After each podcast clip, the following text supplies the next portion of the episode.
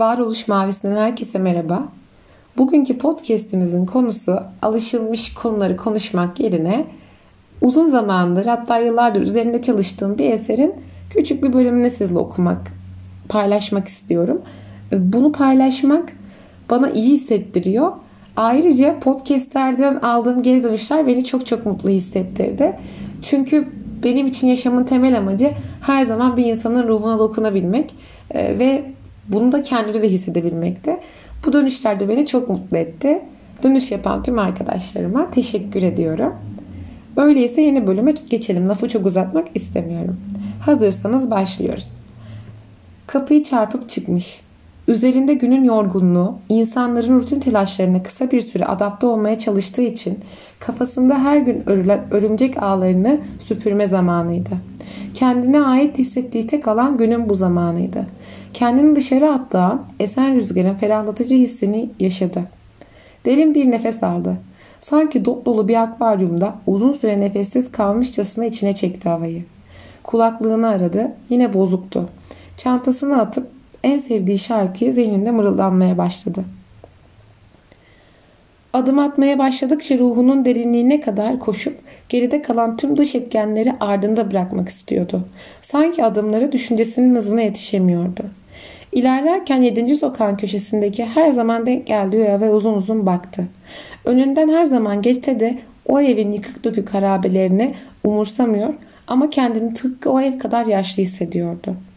Önünde uzun bir koruluk vardı. Her gün geçtiği bu yolu bugün yavaş geçmek onu yoruyordu. Biraz dinlenmesi gerekti biliyordu ama çok az kalmıştı gitmek istediği yere. Burada yalnız olmak onu ürkütmüyordu. Çünkü aklı yeterince kalabalıktı. Kendini herkesten soyutladığı ve ona yaşamını hatırlattığı o yere gelmişti. Önünde olan manzarayı gözlerini kapatsa bile tamamen hissedecek kadar hakimdi. Rüzgarın hızı artmıştı. Üzerine düşen birkaç yağmur damlası o gün boyunca onu gülümseten tek şeydi belki de. Sonra dedi ki içinden neden kendime bu kadar yabancıyım? Yaşadığım çoğu şeyi düşünüp bir anlama ulaşmaya çalışıyordum. Anlama ulaşmaya çalıştıkça her şey daha da karmaşık oluyordu. Peki neydi benim aradığım anlam? Fazlasıyla derin düşüncelerde olduğunu biliyordu. Tıpkı adı gibi derin. Boş yere koymamışlardı ona bu, bu adı. Ruh hali her zaman onu kendine ilk yabancılaştırdığı o ana götürüyordu. Buna kime anlatsa, anlatmaya çalışsa bir anlam verememişlerdi. Hoş kendisi de veremiyordu artık. Ama biliyordu ne olursa olsun içinde yanan o ateşi tıpkı diğer insanlar gibi gözlemlemişti uzun zaman.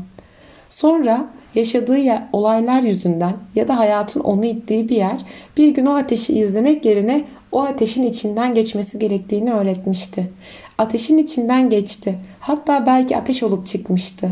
Anlamamaları artık o kadar normaldi ki.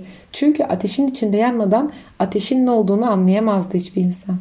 Hissettiği enerji, yeni büründüğü ruh hali artık o kadar saftı ki. Düşündüğü her şey artık ona boş geliyordu. Sanki kendi boyutunda sıkışıp kalmış bir yabancı gibiydi. Bu dünyadandı ama bu dünyaya ait değildi. Başını kaldırıp yıldızlara bakmayı tercih etti. Sanki yaşamın en gizli, en derin yerleri gökyüzünde barındırıyorlardı. Dokunsa elinde dokunacak kadar yakındı. Oradan bir zaman boşluğa bıraktı kendini. Anda kalmayı seçtiği için kendi dünyasında gerçekten bir yeri ve anlamı yoktu. Sadece düşünceleri kadar bu dünyada vardı. Sadece şu an vardı. Sol omzuna bir elin dokunmasıyla irkildi. Başını kaldırıp baktığında o an hiçbir şey söyleyemedi. Gördüğü kişi karşısında adeta zihni durmuştu. Birkaç zaman onu izledikten sonra zihni hemen onu birkaç yıl öncesine götürdü. Yüzü hala aynıydı fakat bakan gözleri artık bir yabancıydı. Konuştu karşıdaki kişi. Ben geldim derin.